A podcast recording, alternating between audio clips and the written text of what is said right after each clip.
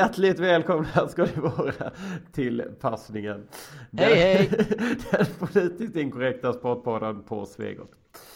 Detta är avsnitt nummer 266 och eh, jag som snurvlar och pratar, jag heter Henrik. Har drabbats av, jag vet inte vad, om det är någon form av stark allergisk reaktion eller någonting. Alltså det här är jättejobbigt just nu. Men, men, men, the show Dödslugan. must... Ja, Dödslugan. det tror jag inte det är i och för sig. Men the show must go on. Som man säger. Så att vi kör på. Men vi är en, det är inte bara jag.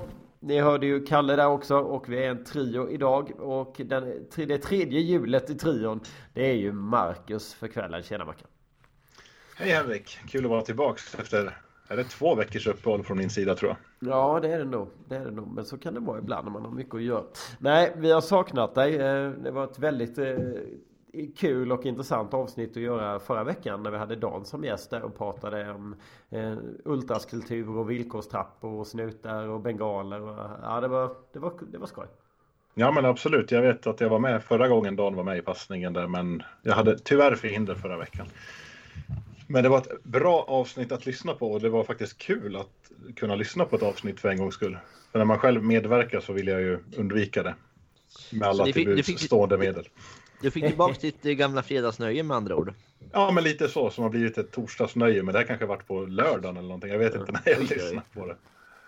Ja, men det är Jag sög lite på karamellen. Ja men det är klart. Nej men det är så man ska göra. Jag kan också tycka det är roligt de gånger man inte har varit med. Det är jätteroligt att lyssna. Faktiskt. Så att, och då hör man att fasen passningen det är jädra kvalitets, eh, kvalitetspodd alltså rakt igenom. Verkligen. Ja jösses. Ja, Nåväl. eh, ja, i alla fall när vi andra är med. Ja. Verkligen. Så är det. Då är det riktigt, då är det riktigt bra. Och så är det okej när jag är med. Men i alla fall. Vi får väl se om det här, hur det här avsnittet blir. Hur som helst. Vi har våran klassiska formalia att gå igenom. Som vi alltid gör i passningen. Eller alltid och alltid. Men vi har gjort det i några år nu i alla fall. Och det är ju att eh, hitta något roligt på avsnittsnumret och också något på datumet. Och tittar man på avsnittsnumret, alltså 266 så har vi en del eh, lite småroliga saker. Bland annat eh, så har Kina tagit så här många guld i tyngdlyftning. I, eh, som vi förstår det, VM och OS. Kan det stämma Marcus? Det är alla klasser vad jag förstår då, när det är internationell tävlan. Så att det är väl, okej. ja. OS var inte så många, men det är ganska imponerande att stoltsera med 266 medaljer av den ädlaste valören. Det är klart. Men, men är det inte sjukt många olika distanser i det där också? Jo, det vill jag väl påstå. Sen är det väl, jag vet, nu kanske jag har fel, men jag har fått för mig att Kina är väldigt, väldigt bra på damsidan. Ja men det det är de. De är bra på damsidan. Och sen är det väl, alltså Kalle säger, det är väl massa viktklasser. Och sen är det ju liksom eh, eh, Och- och- ja, och det de här och olika dam. momenten. Ja visst, herr och dam. Ryckstöt och kombination och allt. Eller jag vet inte. Jag är lite Ja, osäker. äh, äh. Men Ja, äh, det, det blir väldigt många olika varianter i alla fall. Det, mm. det blir det. men, men, det är ändå imponerande.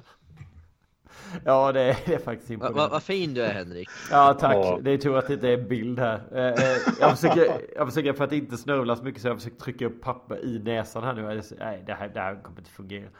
Men det, det, jag får la sitta och snörvla istället. Och jag springa Ja, du gör lite som du vill.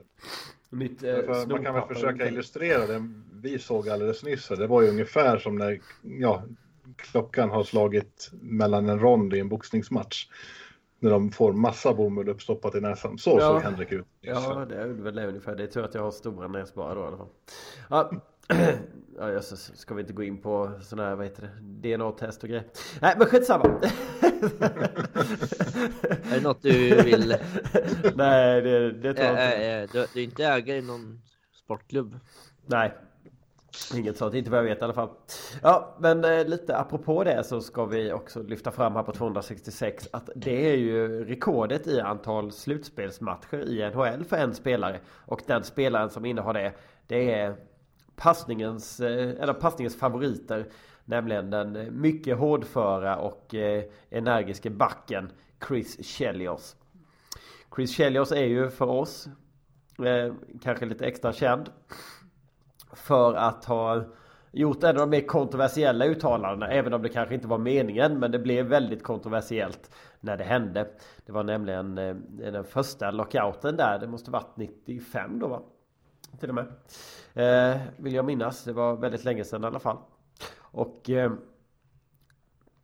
Chris Jellios uttryckte sig ganska irriterat över just att det var på väg att bli en lockout då, och eh, han var inte glad på på kommissionären och eh, klubbägarna i NHL.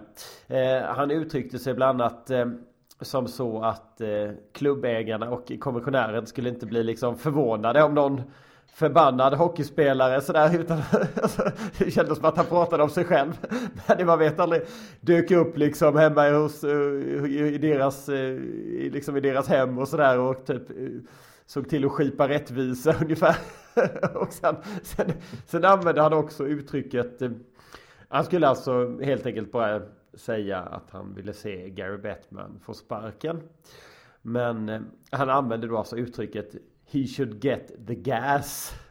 Och det, om man då kände till att Gary Bettman är av judisk härkomst så, så förstår man. Det togs emot jättebra. Mm.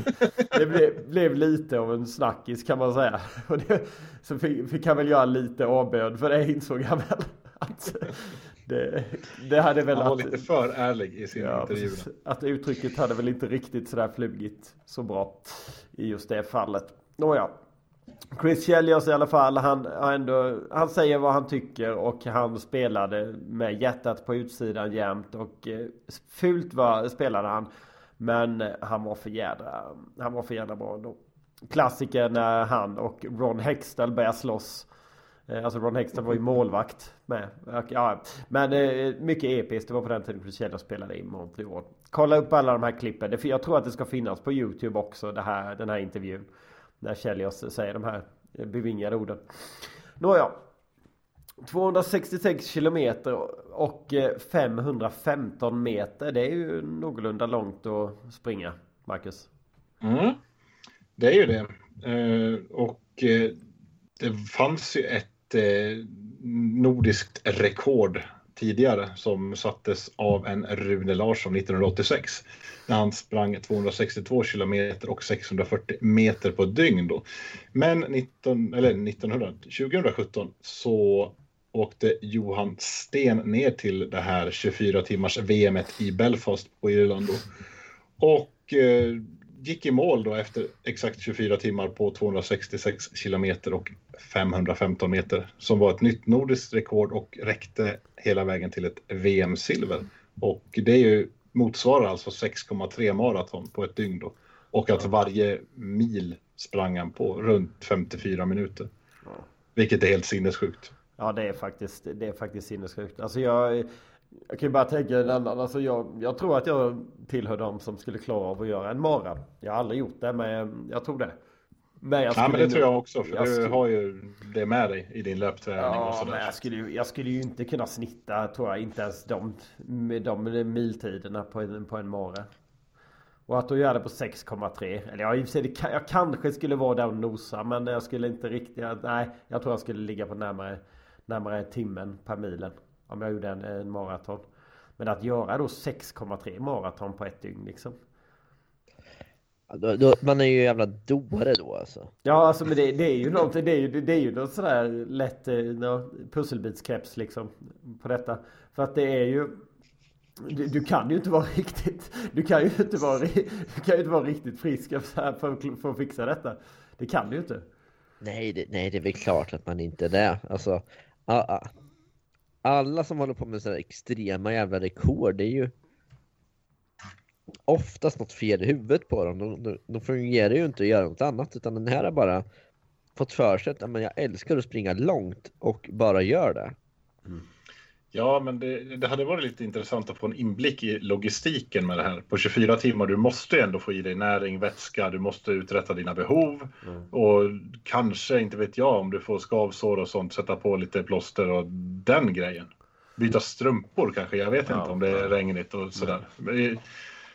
Det är inget som jag har någon kännedom Nej. om, men det hade varit lite kul att ja. se någon dokumentär om just det, det här. Det, det kanske man hinner utan större problem. Alltså, om, man, om man tänker liksom, okej, han håller på i 24 timmar. Om han ägnar en halvtimme åt att byta strumpor och liksom lufta fötterna lite totalt sett så är det säkert värt i slutändan. Det borde ju vara det. Eller springa och Eh. hålla sig i liksom 21 timmar. Det hade ju varit ganska... Nej men han, han skiter väl lätt i byxan antar jag väl men alltså som Ja, men det är drygt att göra det om det är 21 timmar kvar, tänker jag. det är liksom... Det, de, Ja, det måste ju någonstans påverka hans slutresultat negativt om han springer. Ja men jag menar håller de inte på så i Tour de France när de håller på svinlänge? Jo, jag Jo, man har ju sett lite sådana incidenter genom åren. Att det är bara att köra om det är. Ja alltså pissa finns ju inte. Det, finns ju, det stannar man ju inte och gör. Utan det är bara, det är bara att få rinna liksom. Ja. Ja, lite så. Ja, ä- äta men han får väl eh, diverse bars och energidryck under eh, Jag skulle tro att nästan bara flytande näring. Jag tror inte du, tar, jag tror inte du trycker i dig någon fast näring egentligen under de här. Nej det är Så. mycket möjligt. Jag hade inte gjort det tror jag om jag hade försökt ens, alltså bara en sådär sex timmars eller någonting. Så hade jag nog bara kört eh, flytande. Mm. Ja, det är ingen Acapulco med dubbeldeg tror jag. Antagligen inte. Kanske en quattro stagioni men Ja. 10 cheese. det var värd efteråt. ja. Man blir ju så lätt i benen av liksom McDonalds mat också. Perfekt. En sann camp cheese. Ja, ja fy fasen, nej det går inte. Det går ju inte. Ja, jösses Amalia. Den eh, 6 maj i alla fall så släpps ju passningen med 266 och den 6 maj 1997 så inträffade något som alla gamla NHL-nostalgiker på sätt och vis tycker är lite tråkigt tror jag. Det var nämligen då som det ett av de här mer nu för tiden kultförklarade lagen Tyvärr lite för populär bland hipsters Hartford Whalers blev Carolina Hurricanes och flyttade från Hartford i Connecticut till Raleigh i North Carolina då. Och Ja, Hartford Whalers eh, kommer man ju ändå minnas genom alla tider. Inte minst för den här coola loggan och faktiskt tycker jag bland de snyggaste hockeydräkterna i NHLs historia. I alla fall de här som de hade mot slutet. De eh, som var lite, li, ja, lite, lite mörkare blå och lite, lite lätt silverline så här runt eh, W. Och det här W var ju format så att det blev som en valstjärt också ju. Ja, det var jädrigt det var jädrigt snyggt faktiskt. Eh, en, eh, Ett riktigt klassiskt häftigt lag får man säga Och de hade en del bra spelare genom åren eh, Marcus. Ja, alltså den som har gjort flest matcher mig veterligen är ju Ron Francis i alla fall. Som eh, har gjort över 700 matcher där och han kanske mest är känd för sin tid i Pittsburgh när de var som bäst. Ja Och vann ett, en hel radda Stanley Cups där.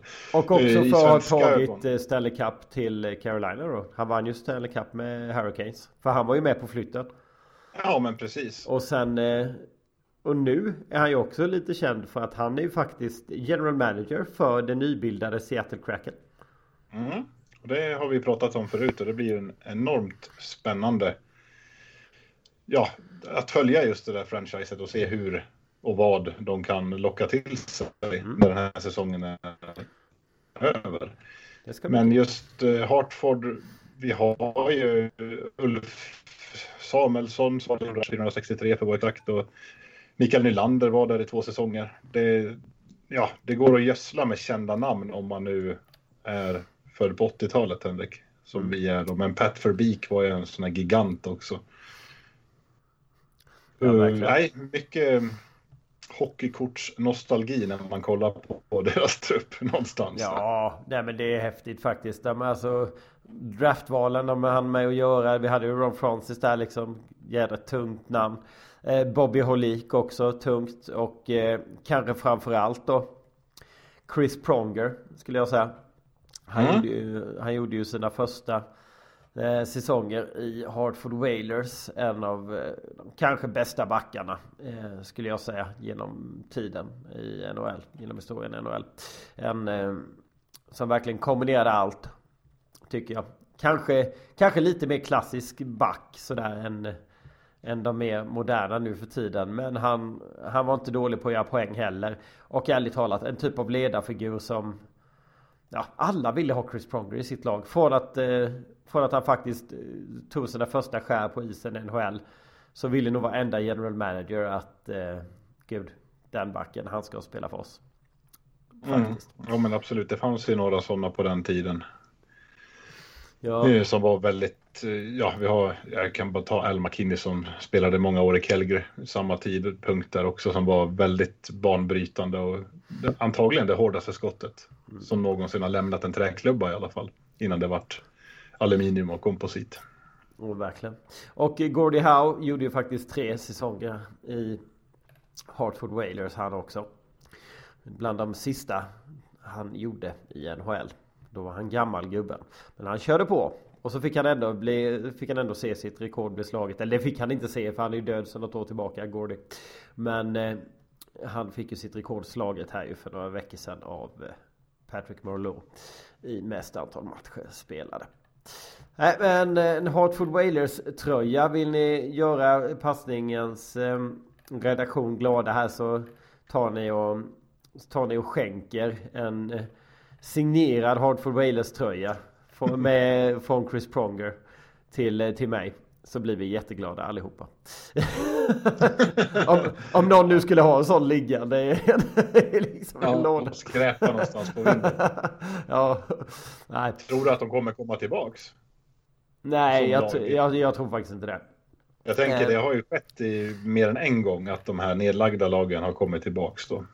Ja, men att, att Quebec skulle få ett nytt NHL-lag, det är mycket mer troligt. För det finns mm. en annan kund, eh, alltså en annan kundunderlag. Ni hör ju hur, usch, hur det låter. Men alltså det finns ju, det finns supportrar där det finns eh, Det finns möjlighet för det tror jag. Jag tror inte att Hartford, eh, Connecticut är rätt eh, eh grej faktiskt för att eh, göra det där just nu. Så att, nej. Quebec kommer få ett lag igen. Men det kommer inte, det kommer inte Hartford få. Det tror jag inte, tyvärr. Det är min, det är min ganska tydliga känsla runt den frågan. Mm. Ja, det var en annan grej som hände den 6 maj. Och det var 2019 det. Och då vann Judd Trump Snooker-VM. Kommer du ihåg den där finalen Marcus? Ja, jag gör ju tyvärr det. Eh, det var väl det sista året som jag var på plats tror jag. Eh, I Sheffield och kollade på. Vi brukar alltid åka dit andra omgången och titta och enklare att få tag på biljetter och man har ändå fått se ja, en omgång spelas eller en hel så att det är, man går ju in där det saknas lite folk då så att eh, Trump var ju bra hela turneringen vann den väldigt svåra att möta just i The Crucible John Higgins i finalen med 18-9 vilket var tennissiffror höll jag på att säga. Men nej, det så ojämn brukar ju sällan en final vara. Möjligtvis året efter när Ronny O'Sullivan slog Kyron Wilson. Jag kommer inte ihåg vad den slutade, men säg att det var 18-8 eller någonting tror jag. Ja, 18-8, 18-10 någonstans. Det var någon form av slakt där med, kommer jag ihåg. Mm. Så att, eh, men eh, han har ju haft favoritskapet. Det var ju klart när han gick vidare från omgång ett nu i årets VM att han skulle sluta eftersom det här är ju den sista rankingtävlingen för året då, VM. Så skulle han, när han tog klivet och vann första rundan, sluta oavsett hur det går för honom i turneringen då som världsetta. Mm. På rankingen då. Så att han hade ju lite press på sig om man nu ska kalla det.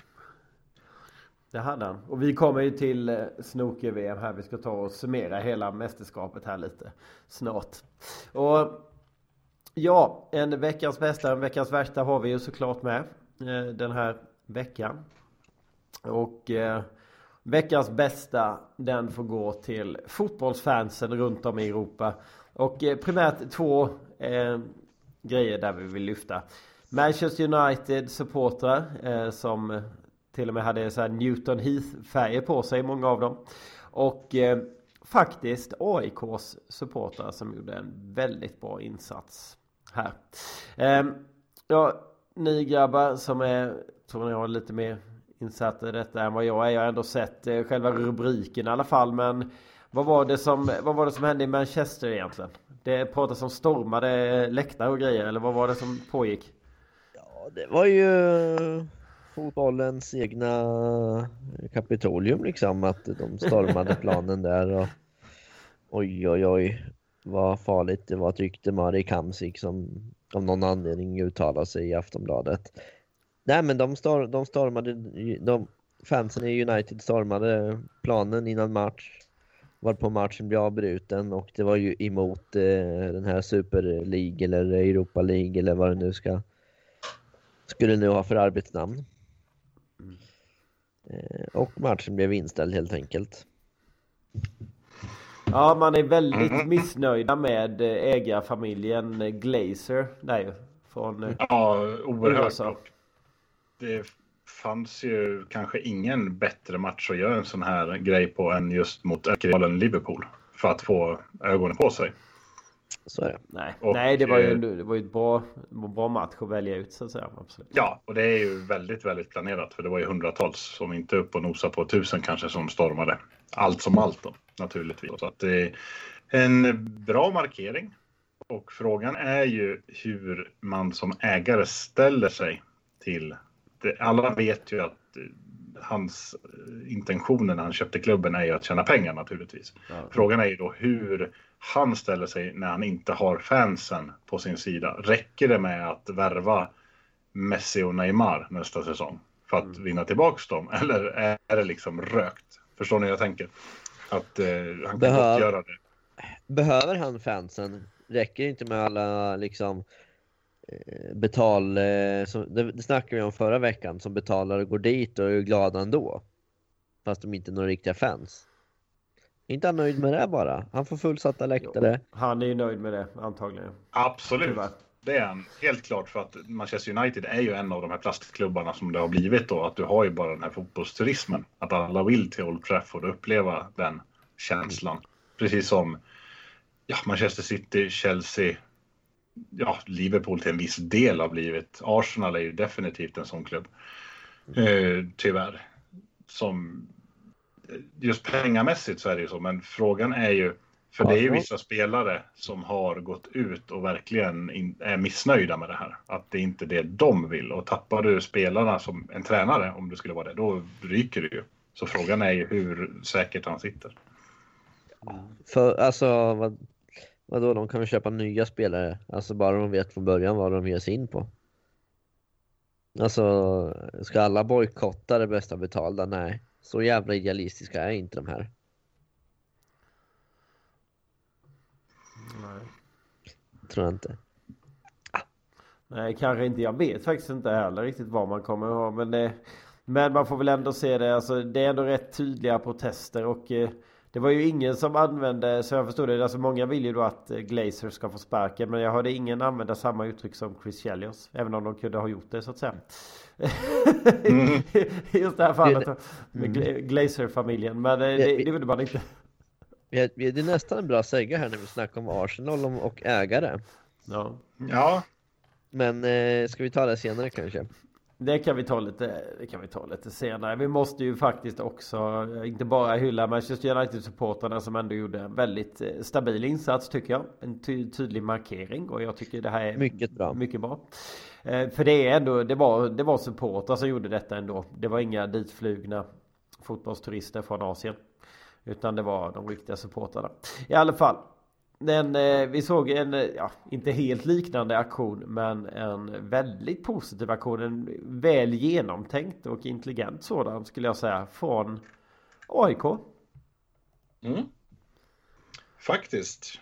Det var ju inför matchen i söndags när AIK skulle ta emot Elfsborg på Friends Arena som AIK-fansen genomförde en protest i Mall of Scandinavia som är ett väldigt stort köpcentrum. Och de helt sonika hänger upp banderoller, viftar med flaggor och gör två olika våningar av det här köpcentret till, ja, det symboliserar ju ganska bra en läktare, en ståplatsläktare någonstans då. Säg att det är ett 60-70-tal personer, någonting sånt. Och budskapet med det här är ju naturligtvis att visa på det här orimliga att du får vara åtta personer inne på en arena som tar 50 000 personer. Men i ett köpcentrum kan du vara, ja, jag vet inte hur många Mall of Scandinavia kan eller får 500. ta in. 500. Är det 500? Eh, Det är oavsett yta så är det max 500. Ja okej, okay. jag trodde att det där var lite på just kvadrat och sådär. Men det Nej, kanske... det, det, är det upp till en viss gräns. Tills, okay. Och sen är det 500 max oavsett. Så eh, det spelar liksom ingen roll. Intressant. Men det var i alla fall en film då, en aktion som fick en rejäl spridning i sociala medier som eh, jag har väl bara sett lite att ja, Aftonbladet med flera ville ju naturligtvis köpa den här filmen då. Eller fråga om de fick använda den såklart innan de lägger upp pengar. Men det är ju ganska bra nyhetsvärde och eh, en bra aktion som har hyllats från rivalklubbar som ja, Hammarby, Djurgården och det här är ju en fråga som förenar fotbollsfans i hela Sverige. Så att jag ser inte något konstigt med att skulle Hammarby göra exakt samma sak på något köpcenter så skulle ju alla stå liksom upp för det också naturligtvis. Och inte, bara, inte bara i Sverige faktiskt, alltså utan över hela världen. Ja, absolut. Och det är det som är, jag tycker det börjar bli så himla eh, fint nu och eh, positivt med detta. Hör och häpna sitter vi, ska vara hemska nationalister men det, vi kan verkligen uppskatta de här eh, att man faktiskt och att man hjälps åt. Man kanske lär sig av varandra i de här lägena. Vi kanske plockar upp idéer på aktioner liksom som besvikna supportrar mm. i andra länder gör och de kanske tittar på något vi har gjort här i Sverige. Och, alltså man kommer ihop som, som fotbollsfans här och det tycker jag är jävligt fint. För att det börjar bli rätt tydligt att vi står mot både en, både statsmakten som vill för allt de kan försöka nypa så mycket makt som möjligt när de kan skylla på pandemin. Och ja, vi står mot samma typ giriga ägare. Vi har ju inte riktigt den situationen i Sverige dock. Vad är just vad är Nej, det är ju fortfarande 51% regeln i många klubbar naturligtvis då. Men sen kan man ju kolla då som AIKs eh, kanske kändaste mittback då, Milosevic Alexander där. Han är ju för det här. Han går ju ut och liksom tycker att eh, hanteringen av den här publikfrågan är ju horribel. Att på en trång restaurang får det komma in 100 pers och vi som har en arena som rymmer 50 000 får ta in 8 personer. Men säger, säger inte typ alla fotbollsspelare det här också? Nej, vi kommer väl kanske till det att det var, jag tänker just på en viss person i Göteborg där som tyckte att det här med Manchester Uniteds agerande var ju horribelt. Jo, men det, det, det, det är ju lite, det är två olika saker.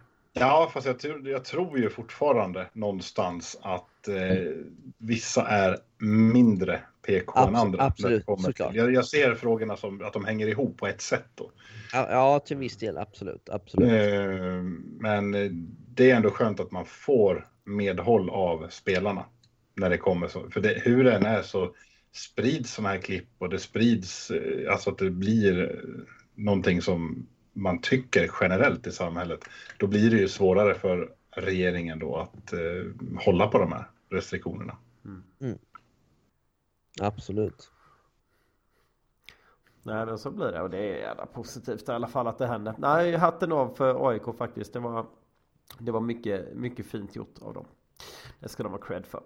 Ja, eh, veckans värsta då. Eh, den är också relaterad till covid i alla fall och restriktionerna. Och Kalle, om du skulle mm. få plocka lite spotter sådär och säga att ja, men det här verkar rimligt. Det, det förstår man ju ur smittspridningssynpunkt att de inte får syssla med.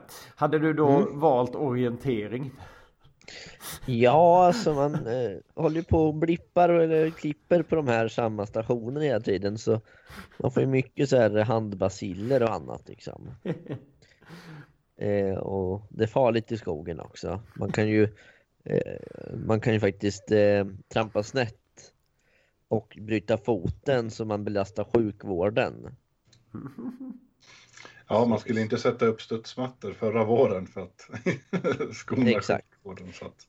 Ja, exakt. Så nej, men eh, orienteringen är en av de första jag skulle säga. Förbjud. Eh, internetschack tycker jag är en bra. Det kan vi behålla. Ja, det är väl det ungefär. Nej men alltså det blir ju så sjukt. Va? Jag vet inte hur de, på något sätt har de ju lyckats eh, i eh, de här skrivelserna med de här restriktionerna.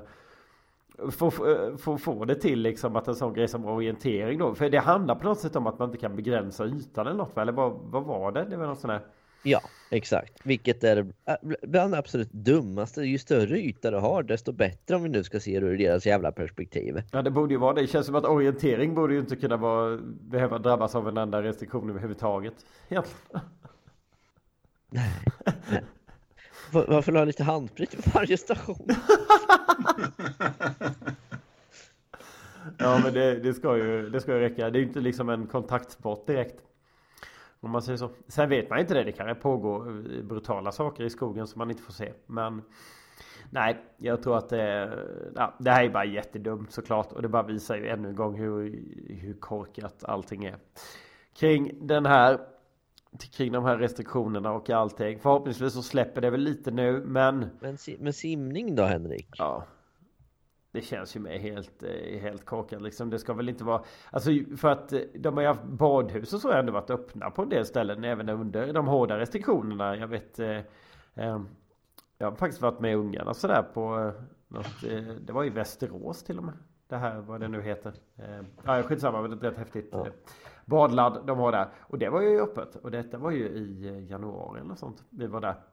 Och och då var det just att eh, det, var, det ansågs väldigt bra för att eh, den här, eh, den här höga klorhalten och det liksom i vattnet är en skitbra stoppare då av virus och annat. Men uppenbarligen då så ska man inte, man, man kan vara då massa folk i ett badhus men man får inte tävla i simning. Nej. Och det är ju inte heller så att du står liksom och hostar på varann eller någonting. Du har ju avstånd hela tiden. Du är avgränsad av vatten med och liksom med höga klorhalt och allting. Alltså det är ju också helt... Det är ju bara bisarrt. Det, det, det, är ju så, det är bara så dumt. Det är så, de tänker ju aldrig. När de gör de här. Och så... hon, så, hon, så, hon såg ju ett problem med det här nu. Äntligen. Men uh, ska, jag, jag, kan, jag kan försöka hitta exakt vad hon sa. Den här jäveln. Uh, vem, är, vem är det som är? Ja men eh, vår eh, så kallade idrottsminister som inte är någon idrottsminister. Inte Amanda Lind eller? Mm. Jo exakt, Amanda mm. Lind. Så är det. Eh, eh, nu ska vi se här om jag hittar den. Ja men fortsätt prata under tiden så. Ja nej men det kan vi göra. Nej men alltså just eh, det blir ju som vi sa så jävla tydligt att man har ju inte eh, tänkt efter ett dugg. Och när man också då liksom När man också tar upp cykel då som ett exempel. Det att, att ägna sig åt cykel måste ju vara bland det, också bland det absolut bästa då man kan göra. Om man nu inte vill ha de här nära kontakterna och allt det där. Det är väl skitbra uppmuntra då istället. Liksom till sådana här aktiviteter. Bara, nej, ni får inte träna på, eh, i, i grupper liksom när ni cyklar och sånt där. Och, Istället hade det här kunnat vara ett eh, guldläge för att få fler Alltså unga att kanske engagera sig till och med i sånt här. Mm. Nej man undrar ju var, var tankarna har varit någonstans. Mm. Eh, ja men Amanda Lind säger att det är något vi måste komma till rätta med. Ja, det kan man ju tycka. Och frågan ja, är hur de ska göra det. Ska de säga att det tar massa, lång, alltså massa lång tid med sånt här nu då? Eller? Det gick ju jädrigt fort uppenbarligen att köra över grundlagen och införa de här jädra pandemilagarna. Ja, eh, segling får man inte hålla på med heller. Den är ju fantastisk. ja, eh, den är närstrid mellan båtarna. Ja. Eh, det är ju så sjukt. Så, så, så här säger de. Barns rörelse har varit prioriterad för mig som idrottsminister under hela pandemin. Men vi har haft utmaningar i just hur, hur lagstiftningen ser ut och det är uppenbart att de här aktiviteterna har hamnat i kläm, kläm på grund av det. Det vill jag lösa så snabbt som möjligt. Du, du har ju för fan haft långt över ett jävla år på dig att tänka ut det här. Om man då också kan göra kan man liksom mer eller mindre köra över grundlagen med den här jävla pandemilagen. Då ja. borde man väl också väldigt enkelt kunna bara lägga in i den där att liksom, vi kan när som helst göra ändringar och eh, alltså undantag från lagen.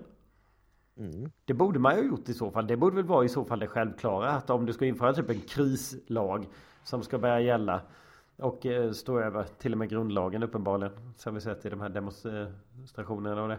Så ska du ju faktiskt eh, Så måste du ju när du skriver den Lägga in den där klausulen liksom annars är det ju Annars är det ju, så, annars är det ju rent eh, otäckt hjärndött. Absolut. Men ja, vi har ju, vi har ju de politiker vi förtjänar, höll jag på att säga. Eller det har Ja. vi kanske inte, men Eh, Arvids stora idol uttalar sig här också. ja. Det, det är ett enkelt konstaterande. Det är åt helsike. De, de som drabbas extra mycket är- de idrotter som är mest smittsmä, smittsäkra, säger RFs ordförande Björn Eriksson. Det var Arvids idol nu när han inte kan vara här och försvara sig. Ja, nej. Arvid, Arvid och Björn. Sitting in the tree. Exakt. Ja, de gillar varandra. Ja, jösses. Nej, vi får la se vad som händer som sagt var kring det här. Men det är ju såklart, det är såklart fullkomligt eh, idiotiskt. Precis som det mesta kring det här.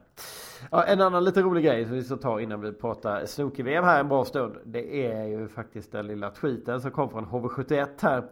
I eh, den dagen vi spelar in detta, nämligen den 4 maj. Och då det illustreras med en bild också och texten lyder i alla fall. Idag var det spelarmöte i omklädningsrummet och de kom fram till att truppen behöver breddas. Och sen är det en bild på två pappmuggar. Två eh, kaffepappmuggar. Och det är alltså Det är typ HV71s eh, befintliga trupp just nu. Man kan ju säga att eh, ja, man har valt att ha en bild där på sitt Twitterkonto där det bara står tillsammans för HV71 och ja, det börjar nog bli ganska viktigt att ha den inställningen just nu misstänker jag. För att eh, det är inte, det är nog inte jättekul. Att vara HV71 efter att de åkte ut. Jag tror att man, man brottas nog med alla möjliga sorters problem. Såklart. Just för tillfället, inte minst då det ekonomiska. Nej, det, Mm det blir spännande att se lite vad de tar vägen. Men ja, ja, de verkar inte ha tappat humorn i alla fall, de som driver Twitterkontot. Och det är väl eh, positivt. Och eh, jag tror att eh, det är en av de mer lämpliga föreningarna att drabbas av det här ändå. För att de har ändå så pass bra eh, så pass bra fans och en bra känsla kring det här. Så att man, man kommer nog reda ut detta. Jag tycker man får bra vibbar av detta någonstans. Så att det är positivt för dem. Helt klart. Helt klart. Ja, det har ju spelats ett VM i snooker. En, eh, ja, VM i snooker är ju speciellt för oss i passningen, inte minst för att eh, ja, det var ju på VM i snooker så att säga du och jag träffades första gången. Marcus. Och eh, det det är ju någonting som vi har följt länge. Jag har, jag har tittat på snooker-VM i 18 år. Måste det bli nu. Så att ehm, det, dock har jag bara sett det live en gång. Men eh, jag har följt det på tv i alla fall i 18 år. Och det är ju ändå en av årets eh, höjdpunkter såklart. Att få titta på sändningarna från eh, The Crucible Theatre i Sheffield och eh, då och då också höra Kim Hartmans eh, små poetiska utläggningar. Och inte minst eh, jag en av de bättre i, i år var faktiskt eh, under finalen. Utan ja, ni som, har, ni som har hängt med ni vet ju så att jag kan väl ändå säga namnet han sa här då. Och eh, Kim Hartman uttrycker sig som så att eh, han är tyst länge, som han är ibland. Alltså, han kommenterar inte så mycket om man jämför med de brittiska kommentatorerna så kommenterar de nästan varje stöt. Men Kim Hartman kan ju vara tyst i typ eh, ja, två, tre minuter utan några konstigheter alls. Och sen Ja, två, tre timmar. Ja. Törs jag förresten nu. För det, Ja, det var en enorm laggkavalkad från Ja. min sida här. Men jag bytte snabbt ett nätverk här så jag försvann nog under någon sekund. Ja, men Ja, du hörs. du, Du hörs. du gjorde en Kim Hartman här och försvann en stund. Ja, men lite så. Jag ville Underbart. illustrera ljud, hur det kan Nej. låta. Nej men det är så jävla bra. Men- När, när han är borta som sagt var i flera minuter. Man hör inte honom säga någonting. Och sen bara kommer det från ingenstans. Oh, Selby kastar hela diskbänken på Murphy. och sen, sen är han tyst i typ fem minuter igen. Man bara, det här är ju episkt. Han är, alltså, alltså jag som inte ens kan någonting om snooker när jag har sett snooker på tv tycker att det är så Han är så jävla skön alltså. Ja. Ja, han, har, han har ju en väldigt speciell kommentatorstil. Och, alltså, fin, fin, fin, det finns ju bäst av Kim Hartman på uh, Youtube. Ja. Ja, nej, ja, det fanns ju en hemsida dedikerad för, vad kan det vara, 15 år sedan. Mm. Till hans ära, någonting sånt med alla såna här ja, episka kommentarer han har kläckt ur sig under mm. matcher. Och det är ju, det är ju jätteroliga personpåhopp om hur smal Graham Dott är. Och, ja, det, du vet, det är och hur tjock Steven Lee är och sånt. Ja, speciellt efter han varit fälld för matchfixning. Ja, just det. Ja, ja, då var han inte, då var han inte eh, vänlig mot Steven Lee. Men det, det, var, ju, det var ju helt rätt. Nej, men han är asskön, Kim Hartman. Eh, 74 år ung är han ju nu. Mm. Gubben. Och eh, han har ju han har väl kommenterat någonstans runt 4000 eh, sändningar någonting snart tror jag. Ja, vi tog ju upp han, för det, de skrev ju faktiskt en artikel om det var typ Aftonbladet eller någonting om just Kim Hartman. Mm. Vad kan det vara, ett halvår sedan? Ja, det var i somras. Det var i somras. Någonting sånt som vi tog upp lite där och nej, han är ju Mr Snooker och han eh, driver ju någonstans den här boomer-sajten eh, Snooker Sverige på Facebook. Ja. Som jag definitivt aldrig kommer vara medlem av. För nej. att det är, nej, det är mer en skamfläck mot sporten än någonting annat kan jag tycka. Ja, nej, men jag, jag håller med. Jag håller med. Nej, men i alla fall, eh, det är häftigt just det där att eh, under de här 18 åren då man har tittat på de här sändningarna så har Alltså Kim Hartman låter verkligen likadan. Han är, liksom, han är 18 år äldre, men det, alltså, han är som han var 74 för 18 år sedan också. ja, ja, men lite så. Han har ju faktiskt eh, spelat och dömt snooker själv, så han vet ju vad han pratar om, vilket kanske är svårt att hitta. Mm. Någon, jag vet ju att, jag menar Eurosport, de har ju någon så här lokal förmåga i Falun vet jag som kommenterar till backhoppning mm. och sånt där som kanske har gjort det själv ja, under ungdomsåren eller någonting sånt där, men aldrig varit riktigt bra i det. Men Kim Hartman, det måste vara än svårare att hitta någon just när det kommer till snooker i Sverige. Ja. Det är inte direkt så att det gödslas ut unga talanger. Nej, han är ju sporten och det är ju han också som har bidragit till tror jag och göra den populär. För att eh, jag har inte sett några siffror liksom för detta VM sådär heller men jag vet ju ändå att eh, just snooker-VM är nog en av de eh, jag skulle tro att det är möjligen det eventet som just Eurosport faktiskt har mest svenska tittare på nästan.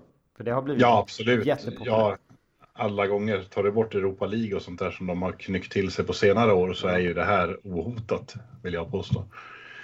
Eh, så att eh, nej, de har en eh, enormt bra täckning och man får ju reda på mycket när man hör Kim. Exempelvis som att BBCs sändningar, att de är för snåla för att ta in den här kinesiska tekniken att du ser, alltså de eh, morfar bilden så att du ser hur bollarna låg innan. Ah. Det får du aldrig se på en BBC-sändning exempelvis.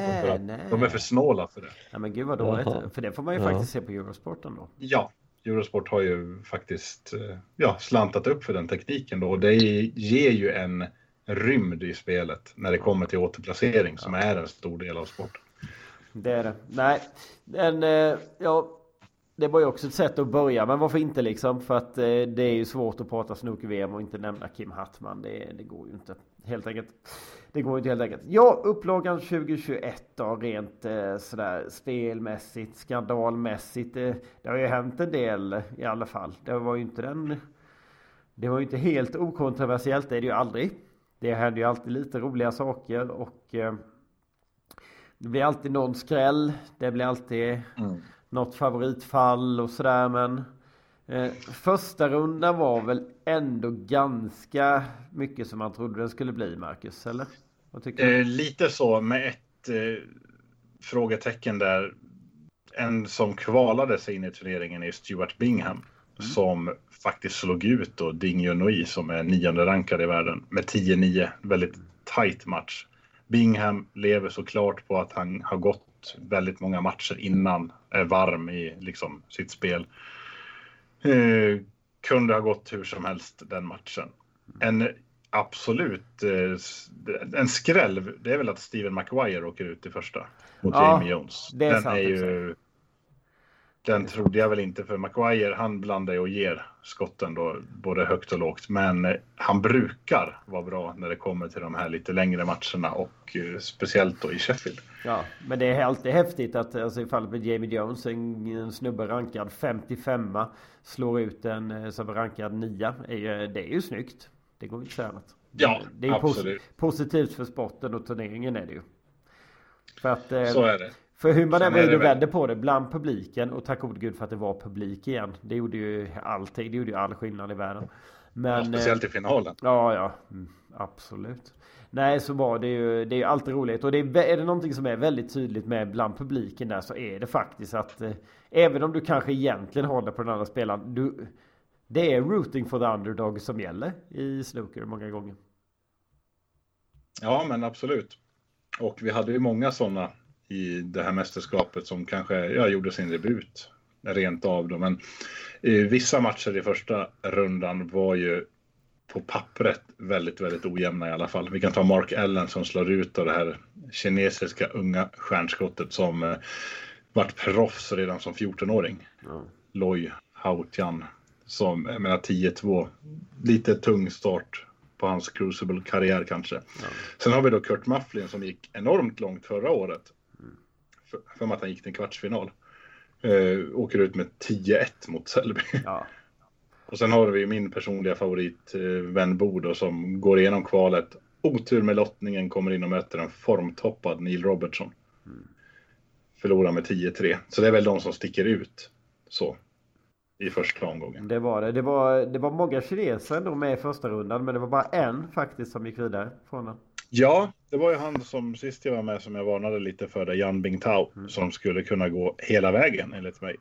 Han vann väl eh, Masters i år, om inte jag blandar ihop Det det. det En annan turnering här. Och har en kapacitet som är enormt hög. Och han mötte ju då Sean Murphy i andra rundan och jag har faktiskt aldrig sett en spelare ha så sån oflyt en hel match. Nej. Visst att vi förlöper ibland eller att du, ja, men här var det verkligen hela tiden. Det var parodi på det. Så han gick ju förlorande ur andra rundan med 13-7 då mot Sean Murphy. Ja men det var alltså bara, bara lite ja, också en liten recap där första rundan igen. Men just vad det gäller kineserna. Det var ändå, ändå fem av 32 spelare i första rundan var ju ändå från Kina. Det, ska, man, ska man vara nöjd med att bara få vidare en eller ska de se det som rätt dålig utdelning? Vad tycker du? Både och. Eh, Ding Junhui vet vi kan gå hur långt som helst. Han är ju Kinas främsta kort Jo men hur, hur många år har man inte sagt? Jag kommer ihåg hans första Crucible-år. Det måste ju varit när jag började titta nästan. Liksom. Det var jättelänge sedan ju. Inte riktigt så länge sedan men det var länge sedan. Ja, ja, ja, ja, han har ju varit aktiv i 15 år minst i alla fall då. Men han har ändå vunnit 14 rankingtitlar. Ja. Så att, men aldrig lyckats på VM då. Nej. Eh, men han är väl, Marco Fu hade väl en, men han tävlar ju för Hongkong då. De ser sig själv som en egen flagga när det kommer till snooker. Som, han var inte ens kvalificerad i år då. Annars så ser jag väl det som att de har väldigt otur med lottningen. Säg att en sån som eh, Venbo eller Hautian får möta typ Steven Maguire som är i jättedålig form i första rundan. Då kan det bli helt annorlunda. Men nu Absolut. får de ju möta svåra motståndare. Visst, det finns ingenting som är lätt i VM, men det finns ju lättare namn på pappret i alla fall att lottas mot. Nej, och det blir alltid, alltså det, du kan inte bara ha Du kan inte bara ha lite tur heller i och med att matcherna är så långa faktiskt. Det, det går inte. Ja, det är möjligen då i fallet alltså Bing Tao som faktiskt hade otur hela den matchen mot Smurfy. Det kan jag hålla med om. Men i alla fall så är, eftersom matcherna blir så långa. Så eh, blir det alltid, det blir också en helt annan psykologi. Det är lite, frågan är har kineserna riktigt det där eh, än? Eh, jag vet inte. Ja, normalt sett så är det tidsomställning och sånt som de har problem med. I år så är det väl att vad jag förstår så har ju flera av de här inte varit hemma, alltså i Kina då på ett års tid. Ja. På grund av pandemi och så vidare. Då. Så de har inte träffat sina familjer och det, det sliter ju naturligtvis på ett psyke Ja. i längden. Så att de har inte de bästa förutsättningarna när det kommer till att spela ett VM då. Men eh, nej, jag tror ju fortfarande bestämt att vi kommer få se en kinesisk världsmästare inom några år. Jo men det är nog inte omöjligt och sporten växer ju. Jag menar de har ju ett eh, De har ju ett underlag som är brutalt i den varenda sport du vill i hela världen eftersom de har så oerhört mycket folk. Mm. Så får du en sport att bli populär i Kina, ja då är det, då finns det, då finns det, då finns det folk att plocka liksom. Ja, vänta bara tills Indien kommer. ja. I en högre grad. Ja, sporten är ju ändå uppfunnen i Indien. Så det hade Ja, ja, det var lite min referens där. Att det är Ja. konstigt ändå med Indien med de personerna att plocka av. Men det kanske inte är lika stort där. Nej, och sen kanske man ser, med tanke på att snooken då var extremt så att säga kolonial på det sättet så kanske indierna fortfarande ser det som, ett, som ett väldigt mycket ett uttryck just den här sporten då. Du menar att de just- sätter en kedja runt halsen på sig själva Ja. i? Ja, ungefär. Lite så. Någonting. Ja, jag vet inte. Men jag tror, att det, jag tror att det kan ligga något psykologiskt där faktiskt. Jag vet inte. Ja, åttondelen i alla fall. Eh, här såg vi ju ändå, här såg vi lite skrällar i alla fall. Också. Ja, den största skrällen var väl att Ronny O'Sullivan åkte ut. 13-12 mot Ja. Anthony McKill. Alltså en match Eh, som går hela vägen med. Ja, och Ronny som hämtar roligt. ikapp och verkligen. Jag trodde och sen den sprängningen han gör i avgörande frame. Han spränger ju inte som man normalt gör utan han lägger sig bara för att psyka lite snyggt bakom den röda triangeln då. Han gör en Mark Så- Williams sprängning. Ja, men lite så. Mm. Och eh, nej, det räckte inte hela vägen för den regerande världsmästaren. Så han åkte ju ut där i alla fall. Mm. Sen anmärkningsvärt är väl att det inte varit jämnare mellan John Higgins och Mark Williams i Ja. andra rundan. 13-7 till Mark Williams. Higgins stundtals utspelad. Ja. Nej, han brukar, alltså John Higgins, den gamla räven, han har ju också varit med i evighets evighet känns som. Han var ju en av, han och Mark Williams var väl, eh, var Ronald Sullivan också en del av de, de som blev, på, nej, Sullivan kom senare kanske va? För de här blev professionella 92 väl? De är, födda, Eh. de är födda 74, är de inte det? Både Mark Williams och John Higgins. Stämmer inte? Det kan de nog vara. Nu håller jag på att fundera på hur gammal. För Sullivan, eller ja, Sullivan och Henry är väl tre eller fyra år yngre än dem. Ja, det kanske de är. Ja, är de verkligen det? Henry, är inte Henry lite äldre? Ja, skitsamma. Strunt samma. Det, det spelar ingen stor roll. Men alltså de är, det var de gamla, det var lite av de så här gamla gubbarna. John Higgins och Mark Williams, båda eh, riktiga eh, ikoner inom snooken nu för tiden. Eh, John Higgins faktiskt eh, en av dem med flest finaler av alla. Han har spelat åtta finaler i VM. Ändå. Vunnit, Mm. vunnit fyra, förlorat fyra. Eh, riktigt eh, stabil och brukar ju alltid vara riktigt bra på VM just. Ja men absolut och det passar ju han det här formatet att han är ju kanske inte jätterolig att se på alla gånger. Han gör ju inte de här stötarna som vi ser Trump göra eller Murphy göra och det verkligen går för de här utan han, han spelar ju sitt spel säkert konsekvent hela tiden. Väldigt få misstag och det räcker ju långt. Mm. Ja, nej, men någon som är rolig att se på däremot, det var ju faktiskt, det är ju faktiskt hans motståndare. Mark Williams är en av de viktigaste personerna inom snooker om du frågar mig. För att han, han kan göra det på så jädra... Han bjuder alltid på sig själv. Han är, han är en showman, han är rolig, han har... Alltså han har både ett fantastiskt spel och en fantastisk personlighet. Det- finns ingen annan som hade ja, inför åttondelsfinalen liksom så här. Eller ja, nej, det var, eller var det inför kvarten? Alla ska vara så himla noga nu för tiden. Ja, nej, men ska, jag ska gå upp exakt för den här tiden och sen måste jag, sen måste jag jogga och sen ska jag göra min yoga och meditation och sen ska jag äta de här supernyttiga grejerna och dricka smoothie typ liksom och sådär. Mark Williams kvällen, kvällen innan han ska spela liksom viktig match i VM. Skicka, skicka en tweet med en bild från sitt hotellrum där det är fullt med öl och Kentucky Fried Chicken liksom på bordet. han, är, han, är, han är helt underbar gubbe. Men jag kan säga min dotter ville titta en del, och hon är inte gammal, men hon ville titta en del på på snooker faktiskt. Eh, och det var så fort hon lärde sig om den där, eh, han i blåa skjortan och så lärde hon sig att det var Mark Williams och sen så har hon pratat om Mark Williams och så och hon var så ledsen sen, varför förlorade Mark Williams? Ja, för vi kommer dit. Han åkte ju tyvärr ut sen, men han vann mot Higgins som sagt. Så han gjorde. Mark Allen gav inte Selby någon vidare match egentligen alls. jag trodde nog det skulle bli jämnare. Men nej. Ja, tyvärr. Och Mark Allen är också en viktig frontfigur för Snoken som inte är så seriös utan kan... Han vet att han är tjock helt enkelt. Ja. Men han bara, vadå, vad ska jag göra? Jag gillar både Smirnoff och mat. Ja. Liksom. det, är, det är på den nivån. Ja, men han är rolig. Han är också sådär, han kan bjuda på sig själv. Och, och, men, det är det här som är så roligt. Många av de här som är lite sådär sköna, de är också bland de största gentlemännen. De skulle aldrig liksom ta fördel av någonting om de märkte att det inte var rättvist. De är, de är alltid otroligt vänliga och trevliga mot sina motståndare. Liksom, William skojar gärna, men han skulle aldrig göra det så att säga på bekostnad av sin motståndare så. Samma sak med Allen. Och det gillar man ju. Det gillar man ju. Däremot han som slog ut Mark Allen då.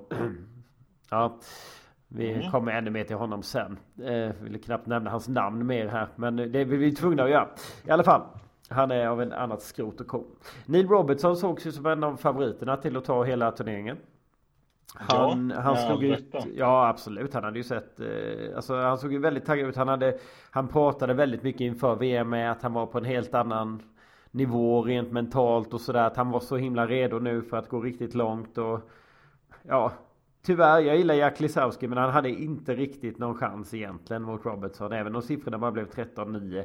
Robertson var för tuff hela tiden liksom. Han kom Mm. aldrig riktigt. Och den stora snackisen kring Neil Robertson var ju ändå såklart hans hår. Ja, och det får ni skylla sig själv. Han har ju normalt sett eh, någon plattång vad jag förstår det. Ja. Eftersom, så där kan det ju inte se ut. Nej, nej, nej men jag, jag säger det, det var liksom som en sådär en, ja, resultatet av en mycket ohelig kärleksstund mellan Art Garfunkel och en pudel ungefär liksom. Det, det såg han ut som. Det var alldeles eh, fruktansvärt. Man är van vid Neil Robertson då med det där eh, plattade blonderade håret liksom och sen så har han någon slags Ja, typ råttfärgat superkrull och, och långt med liksom. ja, det, var, det, var, det såg brutalt ut. Jag vet, jag blev nästan... Alltså, min, min dotter blev nästan rädd när hon såg det.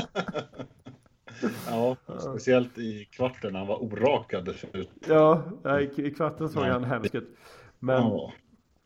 nej, åttondel i alla fall vidare. En annan som såg som en favorit av många, det var ju Kyron Wilson som slog ut eh, Barry Hawkins där i åttondelen. Såg eh, Ja. faktiskt rätt stabil ut.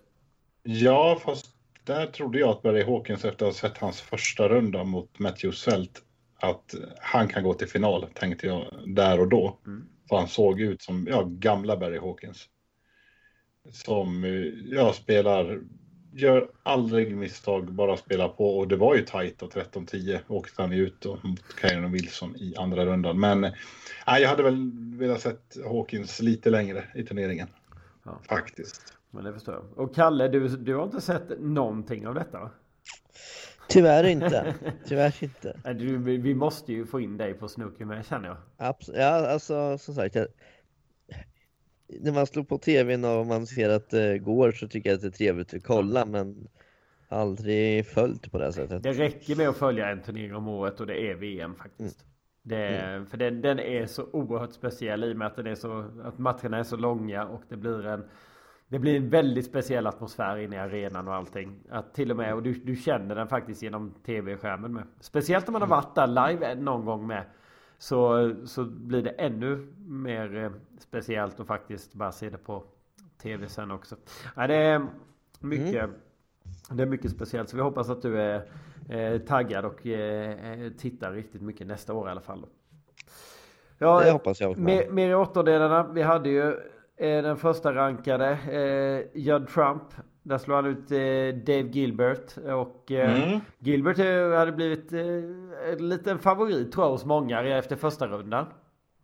Han är ju en eh, väldig gentleman. Verkligen. Han personifierar snoken, alltså just att det handlar om att vara ja, ärlig och proper och allt det där. Men det som han ska ha, han är ju engelsman, men det ser ju ut som att han har en jättestor ettan lös inne, Ping Mjölbypartiet. Men alltså på riktigt, det, det ser ut som att han eh, är en engelsman som snusar. På riktigt. Ja, det Det är någonting med hans läpp. Nej, men- Nej, jag, jag kan aldrig tänka mig det. Tänk vad chockad du skulle bli om det visar sig att han är just eh, en ettanlös snusare. Det hade, varit, det hade varit jävligt roligt. Men nej, jag tror inte det är så kul heller. Tyvärr. Nej, eh, Judd Trump såg ju brutal ut där också faktiskt. Fy fan vilka stötar den killen kan göra. Så han är så klinisk ja. han, Judd Trump. Han är klinisk han. Han blandar och ger. Han kan ju missa mycket för att han attackerar ju nio av tio gånger. Ja, det är sällan han vill sätta sig och titta på när den andra spelar utan han vill ha kommandot hela tiden och det är ju så du vinner matcher i den här moderna snoken då att du går ju på alltså lägen som är inte ens ett läge. För 15 år sedan hade ju ingen gått på de ställena. Nej, nej, nej, han gör ju det. Och det är väl det jag menar liksom där. Inte att han kan sett allt, men just att han, han är ju livsfarlig liksom. Du kan ju inte, du får ju inte göra misstag. Nej, och kökraften i de tunna armarna ändå är ju i hela VM har ni ju alltså överlägset störst kökraft ja. av alla. Det är, han har teknik på sin sida, helt klart. Det har han verkligen. Det har han verkligen. Och som du var inne på där, din favorit Bing Tao, där blev ju utslagen av Sean Murphy. Eh, en kille som ja. inte pratade så mycket om inför. Jag tror att trots, att trots sjunde rankad så var det nog inte många som trodde att Sean Murphy skulle gå så himla långt. Det kändes inte så i alla fall. Nej, absolut inte. Och han har ju inte rosat marknaden det här, den här säsongen heller. Han har flyttat till Irland, tror jag, med sin fru. Ja, stämmer. Och bytt eh, lite omgivning och sådär. Men han har inte gjort några avtryck på ett år i alla fall. Då. Och det var ju en av anledningarna till att jag trodde att Bing Tao skulle kunna gå väldigt långt. Det är att han hade förmodligen Murphy att möta i den här matchen. Då. Men mm. där fick jag lite fel. Det fick du. Ja, i kvartarna då. Där blev det faktiskt... Eh, där blev det väldigt tajt i primärt en match. Och det var ju...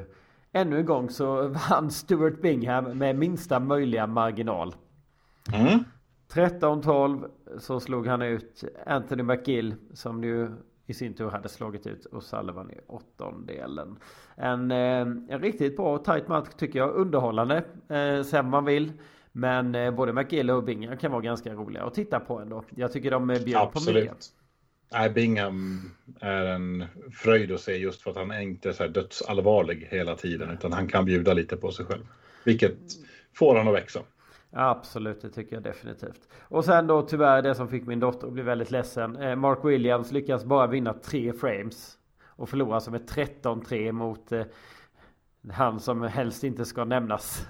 Nej då, vi får säga Mark Selby var det ju som slog ut Mark Williams. Eh, den, eh, den bästa Mark mot den sämsta Mark. I alla fall om man ser det ur ur mitt synsätt och ser på människor i det här VMet. Och eh, Williams, eh, han skojade till det rätt friskt de sista framen. Han visste ju att han var helt körd och han, eh, han gör lite roliga stötar. Han liksom han använder krattan när han absolut inte behöver göra det och sådana grejer. Så han, han, han, han skojade till det på ett jädra bra sätt faktiskt. Och eh, fick publiken för att han insåg det att okej okay, Spelmässigt, jag, kan inte, jag kommer inte kunna ta den här matchen så långt. Jag är faktiskt utspelad. Men jag kan ändå ge publiken liksom lite valuta för pengarna. Och jag tycker det är otroligt fin inställning av honom. Um, hans motståndare däremot, ja, han är bara lagom tråkig. Men löjligt, löjligt bra. Det var här någonstans som man började känna att eh, vem fan ska slå Selby? För att han, eh, han var brutal alltså. Han, vi sa att man ska inte göra misstag mot eh, Trump för mycket. Nej, men Selby, du fick inte göra ett enda misstag här. Alltså. Han högg på precis allt. Han är, han kallas väl så här, jag vet inte, kobran och anakondan. Både för att han då kan vara snabb och hugga men också liksom att han kväver ihjäl liksom på sätt och vis. Det finns ju få som kan kombinera ett så här bra attackspel med att eh, med att defensivstöta med, så här, med, med löjlig precision in mot, eh, in mot vallarna på det viset som Mark Selby kan. Han är jädra bra på det där. Han är komplett. Tyvärr på ett sätt. Han kan spela jättetråkigt och bara lägga in vit i de röda. Och mm, ja, köra det fyra stötar i rad tills han får ett litet, litet läge. Mm. Ja, nej, det var en, det var en kross i den matchen, tyvärr. Men eh, det var bara att konstatera. Ja, Neil Robertson, han och Kyron Wilson tillhörde ju de här som drack det här gröna joxet som Kim Hattman kallade det. Det var också... också Usch! ja, jag, Usch. jag vet inte riktigt vad det är de dricker eh, under matchen där. Men eh, det ska väl vara någon slags nyttig grej. Och Neil Robertson är ju... Eh, ja, han är väl vegan och allt möjligt, är det inte så? Jo, det är ju så att eh, finns det en vegan så ska de ju tala om det. Ja det är klart. Och därför, så, och därför ja. förlorade han antagligen kvartsfinalen. För han hade inget, han hade inget, han hade ingen bra köttenergi med sig. Utan, Det, det är honom när han, när, han sitter där och dricker sin jävla klorofyllsoppa vad ja, ja, jajamän. Ja, men det, ja, det ser ut som det. Det ser ut nästan som att de har tagit duken och kört den i en mixer liksom. Väldigt vatt. Ungefär. Ja, ja. Kyron Wilson och Robertson, de drack samma gröna jox men det var bara en av dem som kunde vinna och i den matchen var det Kyron Wilson. Rätt övertygande, 13-8.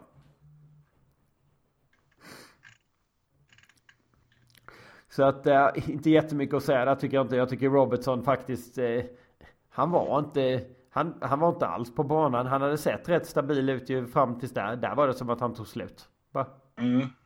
Ja, men eh, faktiskt. Och Wilson gjorde väl ingen... Det var väl ingen som gjorde en jättebra match i den här, utan det var väl snarare så att Robertson hade en betydligt lägre lägsta nivå än Kyren i matchen. Och det vart ju avgörande. Jag skulle absolut säga faktiskt det var en rätt bra beskrivning. Och i den sista kvartsfinalen, ja, där var, man, eh, där var jag i alla fall inför. Eh, väldigt säker på att visst, Sean Murphy hade ju sett bra ut fram tills där ändå. Men nej, nu tar det slut för nu, nu kommer den, eh, nu kommer världsettan här, Judd Trump och eh, piskar ut Smurfy så det stänker om det.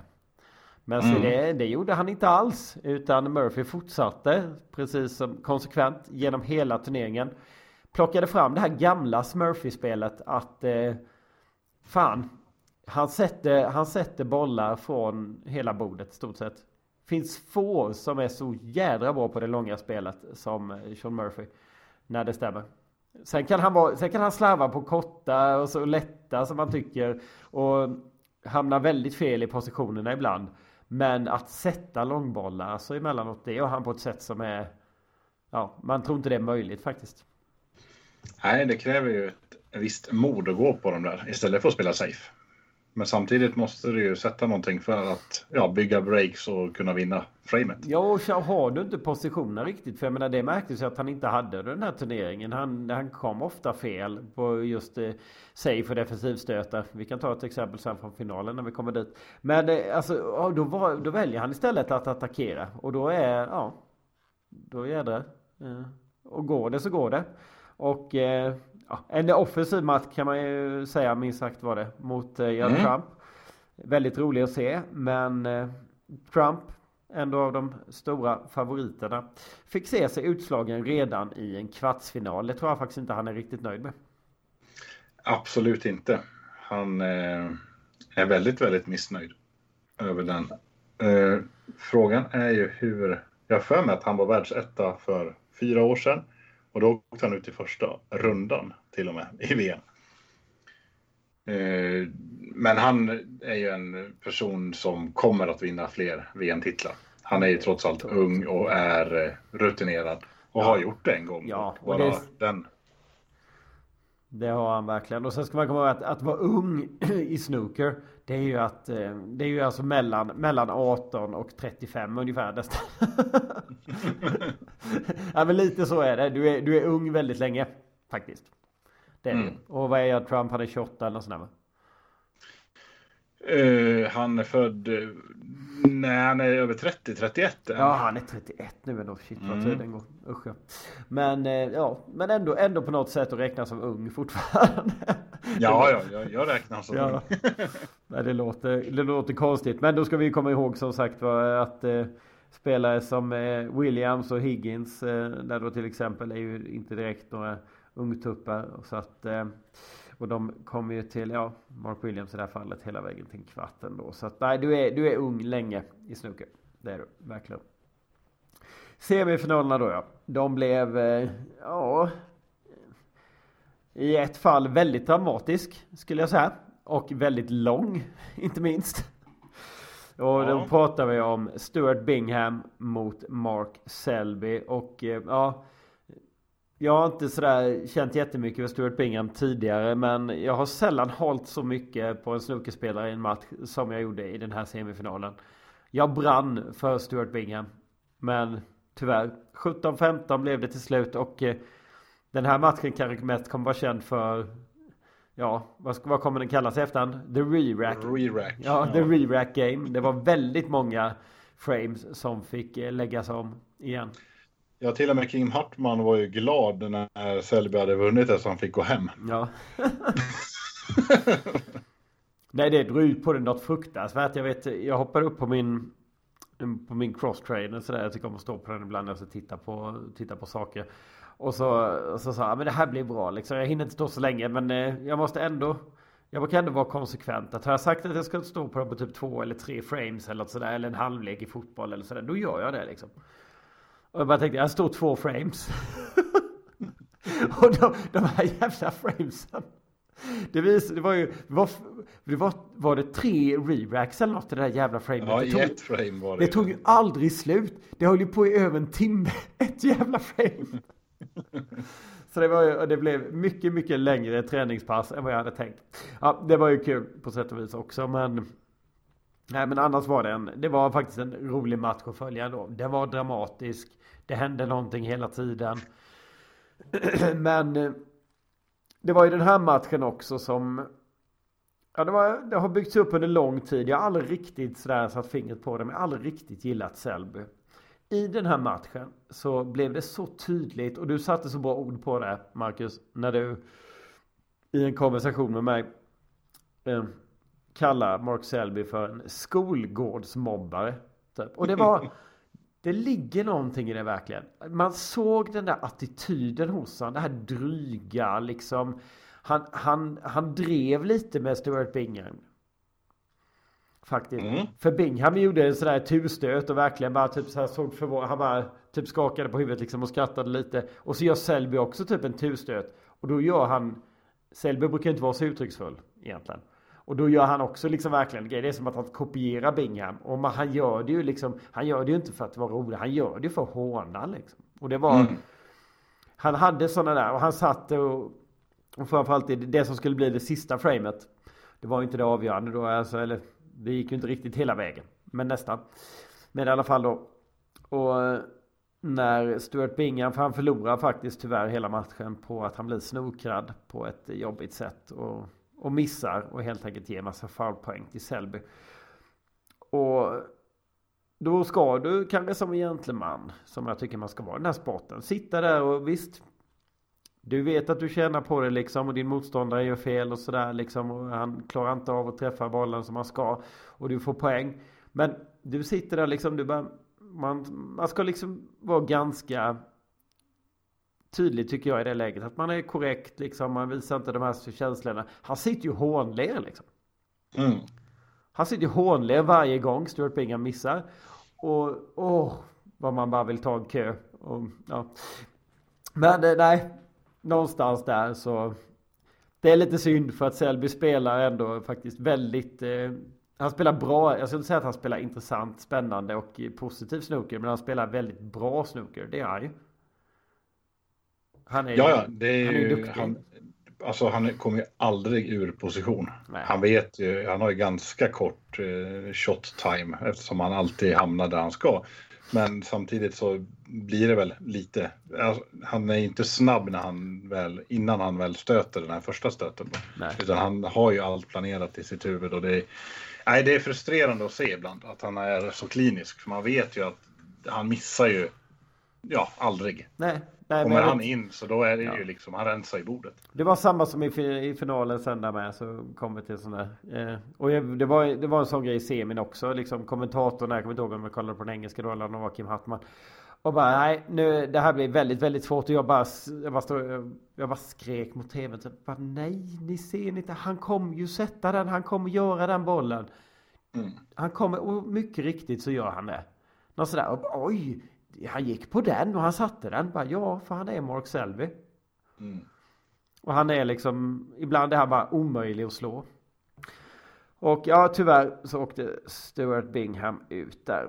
I den andra semifinalen så stod Sean Murphy för en av de största uppryckningarna, tror jag, i VMs historia. Helt klart. Ja. Eh, nu kommer inte jag ihåg vad det stod. Var det 11-6? 10-4 var det faktiskt ett tag. Ja, det kanske var Ja. det som var. Det var horribelt i alla fall. Och då skrev vi lite där också till varandra att det här går ju inte. För Wilson får ju inte en härdsmälta. Nej. Och det fick han ju inte heller. Nej. Utan det var ju Murphy som höj, höjde sig rejält. Ja, ja. gjorde han. Alltså, Karen Wilson lyckas alltså ha ledningen med 10-4 och sen ändå förlora matchen med 17-12. Det betyder alltså från att det stod 10-4 eh, så blev alltså då framesiffrorna 13-2 till Sean Murphy och det är, det är egentligen Ja, det, det ska nästan vara omöjligt. Ja, det ska det. Helt klart. Men nej, han tappade också fokus, Karen Wilson. Han blev med lite sådär, eh, ja, började dryga sig lite om någon omplacering och sådär. Det märktes att han var frustrerad att han inte fick det att stämma. Så. Nej, men det var tråkigt. Ha, Kalle, du som ändå hänger med lite här nu när jag och Marcus pratar i alla fall. Eh, finalen då kommer ju då att spelas mellan Sean Murphy och Mark Selby. Vem tror du vi höll på? Eh, ja, det var ju inte Selby i alla fall. Nej, det var det inte. det var mycket tydligt där faktiskt från båda våras håll att eh, den här finalen hade vi hemskt gärna sett Sean Murphy vinna. Han hade bra chanser, absolut. Han hade fortfarande jättefint långt spel, men han bjöd på en och annan miss och eh, ja, det håller inte helt enkelt mot Mark Selby. Eh, bara för att spä på eh, det här eh, aversionen som jag känner mot eh, Mark Selby så under den här matchen också i ett av de, eh, ett av de senare framen ändå var det väl så lyckas, eh, eller ja, Sean Murphy lägger helt enkelt en väldigt, väldigt svår snooker för Mark Selby. Preci- han lägger köbollen precis mot eh, brun boll.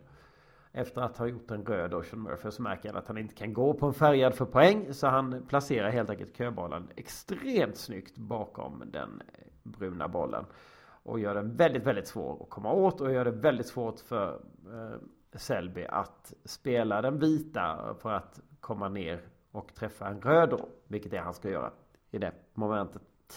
Eh, Selby gör flera fouls, ganska grova. Med de olika, han provar flera olika kattor, bland annat den, den här spindeln, eh, the spider. Och det som kallas för the swan neck, alltså svanhalsen. De ser lite speciella ut de här typerna av krattor och de används inte jätteofta. Men eh, eh han försöker på alla sätt och vis och få runt där och det blir omplacering efter omplacering efter omplacering. Och helt plötsligt så plockar Selby fram den vanliga krattan. Och eh, spelar köbollen på sidan. Helt plötsligt har han alltså fått möjlighet att komma åt bollen på sidan. Och jag, jag, ja, då, då ska jag säga eh, också om man blir upprörd och skriker lite mot tvn ibland. Där är det ju bara, man blir bara galen. Man bara, men det är ju fel på återplaceringen. Och det skulle visa sig att det var faktiskt lite. Domaren hade helt enkelt placerat eh, bollen lite, ja, le, någon, eh, några millimeter fel. Tillräckligt för att Selby skulle komma åt sidan. Och ärligt talat, där, är, där ser du också beviset på. En gentleman i det läget säger till domaren att nej men det här kan inte stämma för nu kommer jag åt bollen från sidan. Det gjorde jag inte innan. Därför kan inte återplaceringen vara korrekt. Jag vill att ni tittar på det igen. Det är många, de, de, nästan alla hade faktiskt gjort så. Mark Selby gjorde inte det. Han utnyttjade det här till sin fördel. Och, eh, och det, visst, det har försvarats av vissa så här i efterhand att nej men det, det är inte lätt att tänka på. Han var ju så inne liksom. Bullshit för fan. Han visste mycket, mycket, mycket, mycket väl. Och, vä vänta, vänta nu. Om man är så pass inne i det, Ja, då måste det vara ännu enklare. exakt så tänker jag med. Det måste vara det dummaste jag har hört. Jajamän, men det var lite, det var liksom, för, för att de försökte väl på något sätt försvara honom lite från journalisthåll och sådär. Men det var ju så, alltså snälla någon. Det var, jag tycker att man borde hängt honom för detta nästan. Alltså, I alla fall, alltså inte bokstavligt, men, men, men bildligt talat i pressen. För att det där var, eh, det där var på något sätt, för mig var det att bryta mot eh, hederskodexen väldigt tydligt inom sporten. Du gör inte så. Du märker att domaren har gjort ett fel. Du ska inte i en sport som snooker ta fördel av det. Du ska faktiskt påpeka detta att det här stämmer inte. Vi, vi, vi får väl hoppas att någon annan gör likadant mot honom nästa match. Ja, men det hände faktiskt i samma match. Lite senare i finalen. Så Sean Murphy. Eh, för det första ska sägas att eh, till skillnad då, Mark Selby som vi sa satt ju och hånskrattade lite sådär åt eh, Stuart Bingham när han gjorde massa missar i semifinalen. Sean Murphy sitter givetvis inte och hånler och beter sig när Selby gjorde de här missarna. Utan helt enkelt sitter och, som en gentleman, rör en min typ i det här läget. Senare, några frames senare, så blir det just en sån här återplaceringsgrej där med. Och eh, då man säger, men spela, här kan ni spela liksom. Och, och då säger Murphy det att, nej men jag tror faktiskt att det, det är någon millimeter fel här. För att jag, jag ser bollen här nu på ett sätt som jag inte gjorde innan. Så någonting stämmer inte här. Så valde Sean Murphy att göra. Och som sagt, det Ja, gjorde det var- inte Mark Selby. Det var ju det jag menade, att Men, det var så han inte skulle göra. Mm. Jag menar att han Nej, skulle precis. använda, använda samma fula jävla metod mot Selby. Jo, jo men, men man tycker nästan det. Samtidigt så är det ju jätteviktigt att man inte hamnar i den loopen. För det får inte... Jag vill inte att sporten ska utvecklas mot det liksom. Utan det är rätt... eh, Det, det är bättre om det bara är... Alltså man bara vet att det typ är en gris på touren. Så räcker det. Tyvärr är det ju den här grisen då. kanske just nu av de... Ja, den allra bästa. Och Selby vann ju eh, efter en del om och men också. Med 18-15. Och det där matchen Murphy valde att alltid vara eh, gå på offensiven. Det märktes i det framet som skulle bli det sista. När han med en röd precis bara någon millimeter utanför vall ändå försöker från en väldigt hopplös vinkel gå på en attackstöt och jag jag bara också då, eh, gud det låter som att jag är fullkomligt galen och bara skriker på min tv hela tiden. Men, men, men jag gjorde det i det läget med. Jag bara skrikte, men för fan Smurfy. Gå på defensiven nu, ta defensivstöten, dra ut på framet istället.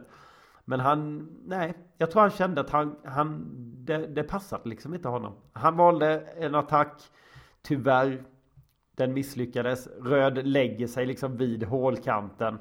Ja, Selby kan mycket enkelt bara peta ner den och sen spelar han av bordet och så har han vunnit finalen. Tyvärr. Eh, ja, det går ju inte att säga så mycket annat egentligen att den bästa, den bästa spelaren i turneringen vann VM. Så är det faktiskt. Det, han var bäst konstant genom hela.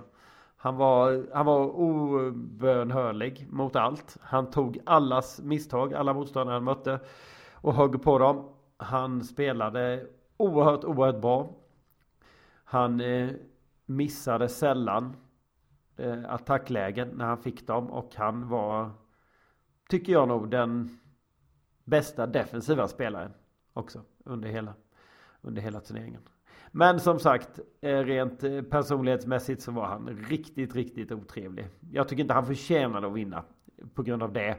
Spelmässigt gjorde han det, men inte beroende på hur han var. Och i en sport som den här så är det inte bara just den här förmågan, så att säga den sportsliga förmågan som ska räknas, utan det är också det där andra. Det är ju lite det som gör snooker så speciellt. Men eh, ja, finalen borde du ha sett Kalle. Du som ändå gillar, eh, du gillar ju faktiskt lite så här supporteruttryck och sånt. Och eh, under finalen så blir det väldigt mycket. Här, det blir lite skrikmatcher nästan mellan fansen. Alltså de, de låter ju inte så mycket under själva spelet. Men just när det är litet, litet avbrott. När man ska lägga upp ett nytt frame eller någonting så det, skriks det rätt hårt och det är rätt många fulla engelsmän på läktaren och sådär. Det är rätt skön stämning ja. ändå. Ja, det kan jag tänka mig. Kan jag tänka mig. Så det, och det gör ju all skillnad i världen. Och jag kan säga att var det någonting man märkte eh, under finalen så var det ju vilken, vilken spelare publiken ville skulle vinna. Och det var inte den spelaren som vann. Det var mycket tydligt att Sean Murphy var favoriten. bland mm. publiken. Och jag tror att det beror på just de här grejerna. Det beror på att eh, det är ingen riktigt som gillar Selby faktiskt. det känns inte så. Han, och han har lite satt i sig själv. Sen tror inte jag han bryr sig så mycket liksom. Han vet hur jävla bra han är och han... Han är lite... Ja, han är den där typen som inte bryr sig så mycket antar jag. Vad folk tycker om honom. Och vilket på sätt och vis är rätt skönt. Så det får man väl... Är, är, avslut, men- han, är han lite som Hamilton i Formel 1? Att han har en viss supporterskara och sen en som skara som verkligen hatar honom eller är det bara att alla riktigt inte gillar honom och ingen riktigt gillar honom? Nej, han har ju supportrar med. Det är klart han har. Eh, och det, det är väl primärt beroende tror jag på att han faktiskt eh, spelar bra snooker. Inte på grund av personligheten. Ja, och sen, finns det ju en eh, dimension i att du är lite patriotisk vart de kommer ifrån. Ja. Selby är ju från Leicester i det här fallet och det är ju självklart att Mm. Du håller på din kille där. Det är lite svårare än om du är från Essex utanför London eller någonting där, där hälften av startfältet kommer ifrån. Lite så. Nej, men Ja, ja, jag förstår. Ja. någonstans. Så att jag tror att det är en väldigt stor dimension i det. Speciellt med ja, skottar, nordirländare, den, ja, kineser. Men just de som tar sig dit på plats, eh, det är ju en salig blandning människor. Det är mycket finnar faktiskt. Mm. Som är där och de har ju faktiskt en, eh, nu har jag glömt bort vad han heter då, som brukar vara med och kvala. Bara för det, det står still. Men han har ett, eh, han har ett brittiskt eh, namn väl? Mm. Nej. Nej, nej, jag, Nej, tänker, jag, nej jag tänker på han norrmannen. Ja, ja men precis. Eh, som åkte ut mot Shelby med 10. Robin Hull Ja. tänker jag på. Ja, för fan. Med hull och hår så blev han uppäten där. Jajamän. ja, men Robin Hull är väl ändå ganska, om man säger det så, så blir det ju ganska brittiskt också. Ja, ja men precis. Du tänker på Kurt Mufflin heter väl han som är norsk idag va? I alla fall i passet. Ja, just det. Så är det. Ja. Ja, men i alla fall en, eh, en väldigt eh, trevlig turnering ändå. Eh, det var väldigt eh, positivt med publik såklart. Tyvärr, jag, det verkar ju som att restriktionerna krävde att de skulle sitta med munblöja på sig. Men det var ju ändå fullt i alla fall, mer eller mindre. Så att, eh, Ja, finalen var ju full. ja. Vad jag kunde se i alla fall. Det var ju lite sparsamt med, eh, ja, fram till semin egentligen. Då. Jag Med vet, folk. jag vet inte om baren var öppen eller så, men det lät ju på läktarna som att baren var öppen i alla fall. Den var nog definitivt öppen. Var den. Och biljetterna släpptes ju i eh, söndags. Gjorde de. Och eh, enligt... Eh, ja, jag brukar ju alltid hänga på låset där för att få tag på bra biljetter. Men de är i princip slut. Folk har ju en större tilltro till VM nästa år än vad det var till det här året. Ja. För det fanns ju gott om biljetter kvar redan i, ja, nu i februari. Normalt går ju de här på ett dygn. Förutom de här VIP-biljetterna då som kostar ja, en halv årslön styck. Ja. Nej men annars är det inte. Det är ju inte en fruktansvärt dyr eh, turnering att gå på egentligen. I alla fall inte i de här eh, lite tidigare rundorna. Alltså först... Nej, och speciellt inte i VM måste jag säga. För att man betalar kanske mellan 400-500 om du kollar andra rundan eller någonting sånt där. Ja. Jag vet att vi kollade åka till, är det i Lettland Kaspersky Open går? Tror jag, eller Estland. Det var ju svindyrt. Det var ju så här 1700-1800 Ja. för en biljett. Där, jag trodde ju att det skulle vara en sån här win-win att åka en billig båt dit, bo billigt, kolla på snooker billigt. Men det var ju snoken som var väldigt, väldigt dyr.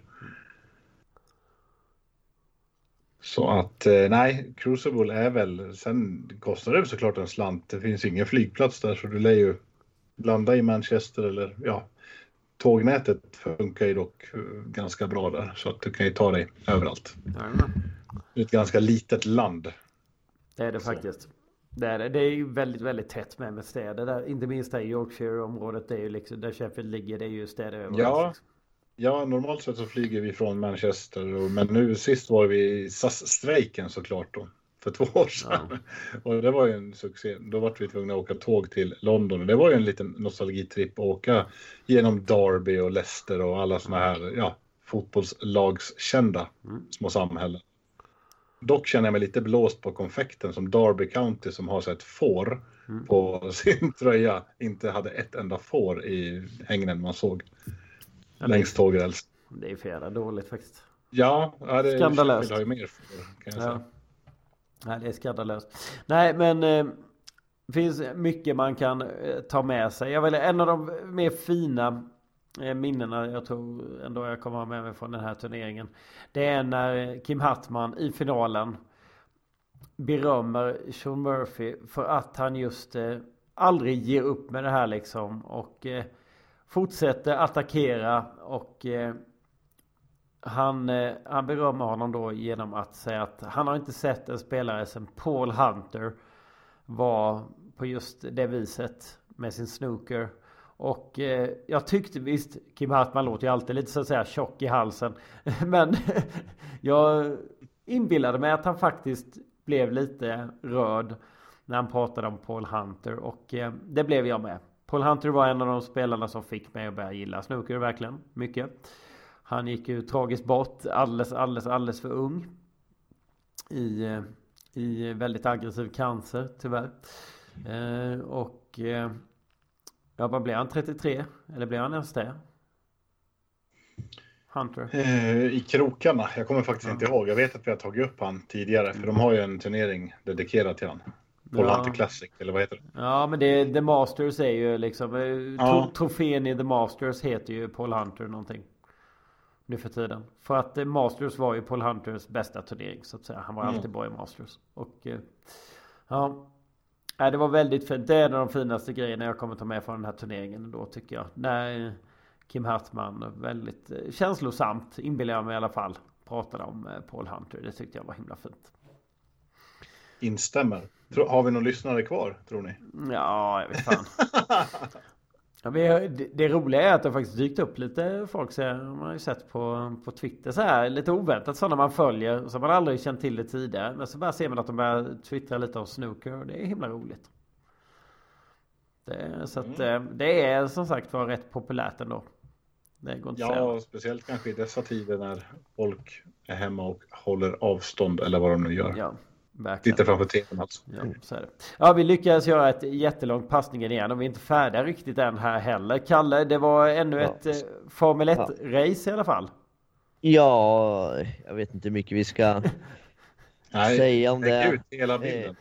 Eh, Hamilton vann, race. Eh, Bottas hade pole men misslyckades.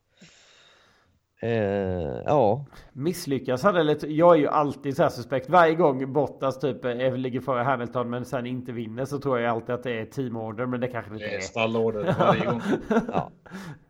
Nej, alltså Bottas är ganska smart på det sättet att det är en teamorder så vill han ha det på radion. Ja, ah. Eh, han ser alltid till att eh, det kommer på något sätt.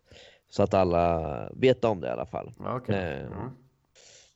Och det tror jag inte var den här gången, men ja, jag vet inte. Men apropå Bottas då, visst, racet var ju rätt eh, tråkigt, jag håller med dig faktiskt. Det var inte alls sådär spännande som man hade hoppats på.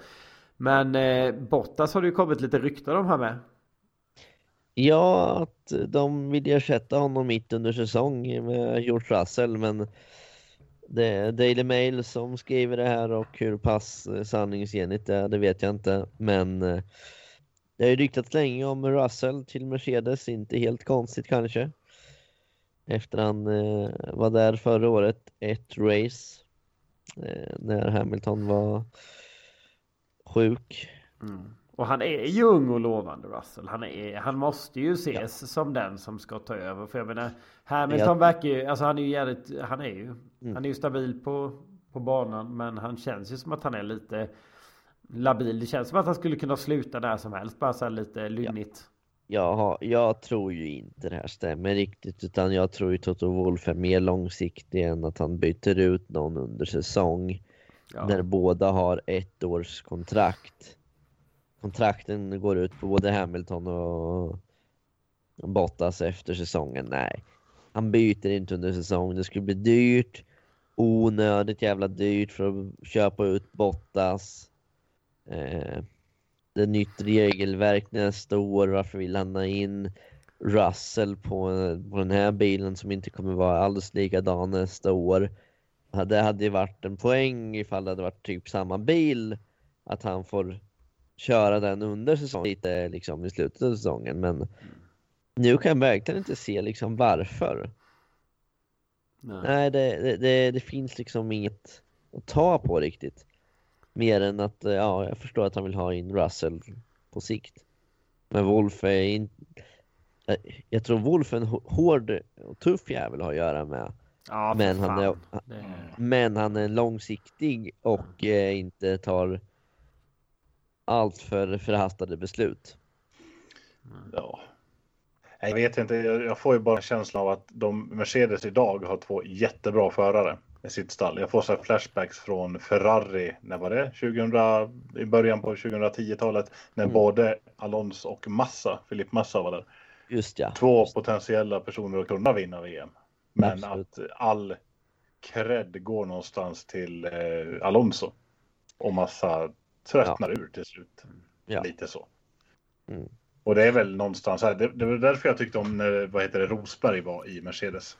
Att det Ja. var verkligen inte den här första föraren på samma sätt som det är Exakt. idag. Ja, och det var ju... Det har ju Toto sagt att det vill han inte tillbaks till. det ska vara en nummer ett. Typ. Ja, Ja, ja, men men jag, han, jag det, tror att det var, det var nog ganska infekterat. Eller ja, det var det ju. Det vet, det vet ju alla. Jag på att säga. Ja. Det var infekterat mellan Hamilton och, eh, och Rosberg. Jag menar att han, bara, att han bara väljer att sluta liksom. Han hade ju många år kvar egentligen. Nico Rosberg. Ja, men han, han, han ville ju bevisa, eller han hade ju bevisat att jag spöade Hamilton här. Ja. Nu lägger jag av flaggan i topp. Ja. Jag ägde Ja. dig. Punkt. Lite så. Exakt. Ja, nej, han, och han gick in för hårt också. Han träffade fan knappt sin familj under hela året liksom. För att eh, koncentrera sig helt och hållet på det här så, ja. Jag kan tipsa faktiskt om, jag vet inte om jag nämnde och nämnt eller om du och jag bara pratat om det Kalle. Men eh, vet inte om jag tog upp det i något avsnitt här i passningen. En, det finns en podcast som heter eh, Formula One Beyond the Grid. Nu, Just ja. Nu har jag glömt vad han heter och Clarkson Ja. heter han någonting va? Eh, Den här eh, journalisten, F1-journalisten som är, gör BBC-sändningar och allt möjligt. Han är jättekänd motorjournalist sådär. I, Ja. I Storbritannien. Och eh, han gör en väldigt intressant podd. Och eh, träffar gamla förare och även Mm. alltså, eller, profiler helt enkelt. Och även nuvarande förare. Eh, Men Mm. eh, och andra typer av profiler inom eh, sporten. Och i ett avsnitt som heter, jag tror, det- jag tror det heter The Brackley Boys. Så Mm. pratar han med de här fyra av de mest då långvariga och, eh, och framträdande ja, ingenjörerna är de primärt. Alla fyra av dem.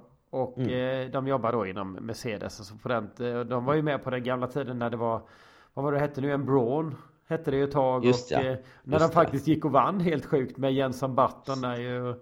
Och de bara dominerade faktiskt det året. Men i Mm. alla fall. De här fyra då, de har känt varandra jättelänge. De har jobbat tillsammans hur länge som helst. Och de, eh, de hade ju faktiskt Mikael Schumacher där ett tag också. Och han har man ju med tänkt lite sådär att eh, han var kanske ganska sådär lite dryg och så i sin attityd. Mm. Men det visar sig att när de pratar så Ja, jag skulle inte säga att eh, det är inte så att de på något sätt pratar illa om Lewis Hamilton. För det gör de ju inte. Jag menar, det, han är ju ändå deras toppförare nu. Det har varit under många år. Men det är väldigt, väldigt tydligt ändå någonstans vad de tycker om honom som person faktiskt. Om Ja. man lyssnar på den här podden så är de, de öser beröm över Mikael Schumacher. De bara, han kommer dit. Han har liksom, han har ingenting liksom med att bevisa. Han har, han har liksom, han har varit världsmästare hur många gånger som helst. Han är, han är liksom Mr Formel 1. Han kommer dit. Och han, de sa det, det tog några dagar. Sen hade han lärt sig namnen på alla i hela jädra stallet liksom. Mm. Han hade, kunde fråga vilken mekaniker eller vilken ingenjör eller vilken sekreterare eller vad som helst. Hur är det med familjen liksom? Hur mår din son? Och så visste han namnet på den. Och, alltså, Mm. sån jädra professionell och trevlig person uppenbarligen. Mm. Samma sak sa de. Nico Rosberg var exakt likadan. Mm. Så oerhört bra. Och sen så, och så tänker man, ja men nu säger de något om Lewis Hamilton och så kommer det ingenting. Man bara okej. Hmm. Ibland, ibland är det man Ja. inte säger väldigt talande. Visst är det Va? så. Och Ja. det, det, det, var, det var en su- superintressant podd. Jag kan rekommendera alla att lyssna på den. Ja, jag ska, jag ska ta och Men, lyssna. eh, Det ska jag göra. Jag tycker att man får en väldigt klar bild utan att de säger någonting. Mm. Ja. Av eh, vilken typ av personlighet Lewis Hamilton är faktiskt. Det, det var Mm. Ja, väldigt, nej, ska- det är tydligt någonstans. Ja, ja nej, jag ska ta och lyssna. Ja men det tycker jag. Det får du göra. Mm. Det får du göra. Ja lite SHL och kval och sådär. Det tar vi nästa gång. Den utökade EM-truppen kanske vi med kan diskutera nästa gång lite mer. Passningen har redan dratt ut Jordan. länge. Ja precis ja. Nu finns det, nu finns det ju möjlighet för Jordan Larsson. För att Larsson. för att det har blivit. Man får ta med sig lite fler spelare än vad det var tänkt från början. Men det var bara en spelare med va? Eller hur var det? Nej, tre spelare mer. Tre spelare med var det. Ja det var 26 nu. Mm, Tre 23. AIK med i Mm. truppen. Det stämmer. Det stämmer. Ja, vi får se Ja. om, det gör, om det gör skillnad, men det kanske det gör. Ja, men det är ingen, det är ingen Formel 1 till helgen va, Kalle? Jo. Är det det? Vad spännande. Ja, vad, är det för, vad är det för någonting nu? Fasiken var det? Jag har, jag har knappt hunnit... Eh, ja, jag har fan inte ens hunnit eh, hämta mig från förra.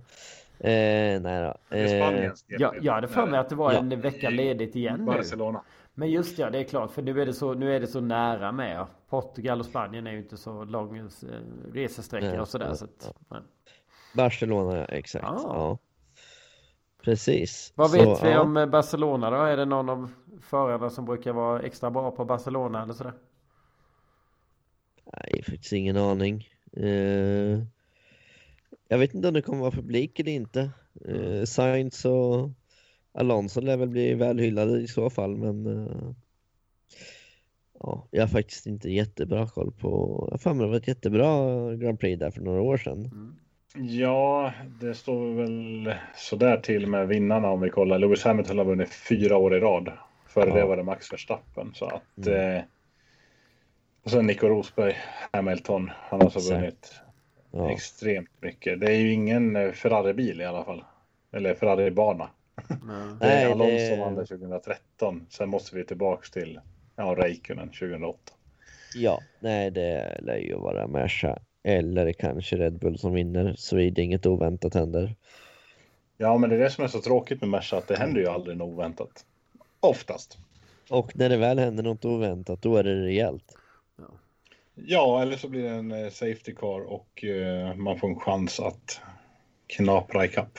Jo, men, Ja, när, men tråkigt. när de väljer bort sig då gör de det rejält som när eh, Russell körde.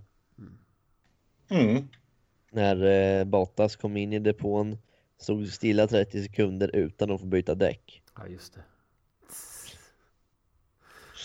Jag När gillar de, det. gör, när de gör bort sig rejält då gör de det rejält. Men eh, det är sällan det händer. Nej, tyvärr är det ju så. Och vad, ja, Nåja, redan nu, alltså Kalle, du, har du, ser, ser du något hopp ändå? Alltså, det, det, man vill ju inte att det ska vara slut redan efter bara typ två race eller Alltså, tre jag- race. Men, alltså- jag, tyck, jag tycker ju Verstappen har sett jävligt bra ut. ja. Eh, om det kommer räcka i slutändan, men han har fan varit, eh, va, varit där uppe varenda race, tycker jag. Är det nå- jag- han, han ledde ju det här racet en kort stund också, vill jag minnas. Nej, han låg tvåa Två lågar. innan eh, han blev omkörd där. Ja. Nej, men han, han, har, han har fan va- varit i toppen hela tiden, men eh, han ligger inte så många poäng bakom heller. Så vi får se, vi får se, men eh, han får fan kämpa hårt. Men det får han göra. Det får han göra. Och Lando Norris håller ju faktiskt på tycker jag att glida upp som en av de kanske potentiella inom några år riktiga utmanarna. Tycker jag verkligen, verkligen. Ja, Det är spännande. Så jag hoppas att Lando Norris gör ett fint race till faktiskt här. Eh, Det kan Ja. vara riktigt bra. Det kan vara riktigt bra. Men att topp 4 kommer bestå av Mercedes och Red Bull det känns ju helt givet redan. det trodde vi ju Ja. redan inför såklart. Men det har ju bara cementerats efter de här racen som har varit. Att det blir Ja. rätt tydligt. Var det kommer stå någonstans. Nåja, vi hoppas det blir kul i alla fall på söndag. Att det blir ett roligare race än det som var sist. Helt enkelt. Absolut, vi. absolut. Det gör vi. Nej, nu tar mm. vi och knyter ihop den här eh, snooker-dominerade säcken och eh, tackar alla så hemskt mycket för att ni har lyssnat. Vi hörs helt enkelt nästa vecka igen och då blir det inte så mycket snooker utan säkert en hel del annat roligt istället. Ha det nu så himla fint där ute och ta hand om er. Adjöken, adjö. Hej hej. Hej hej.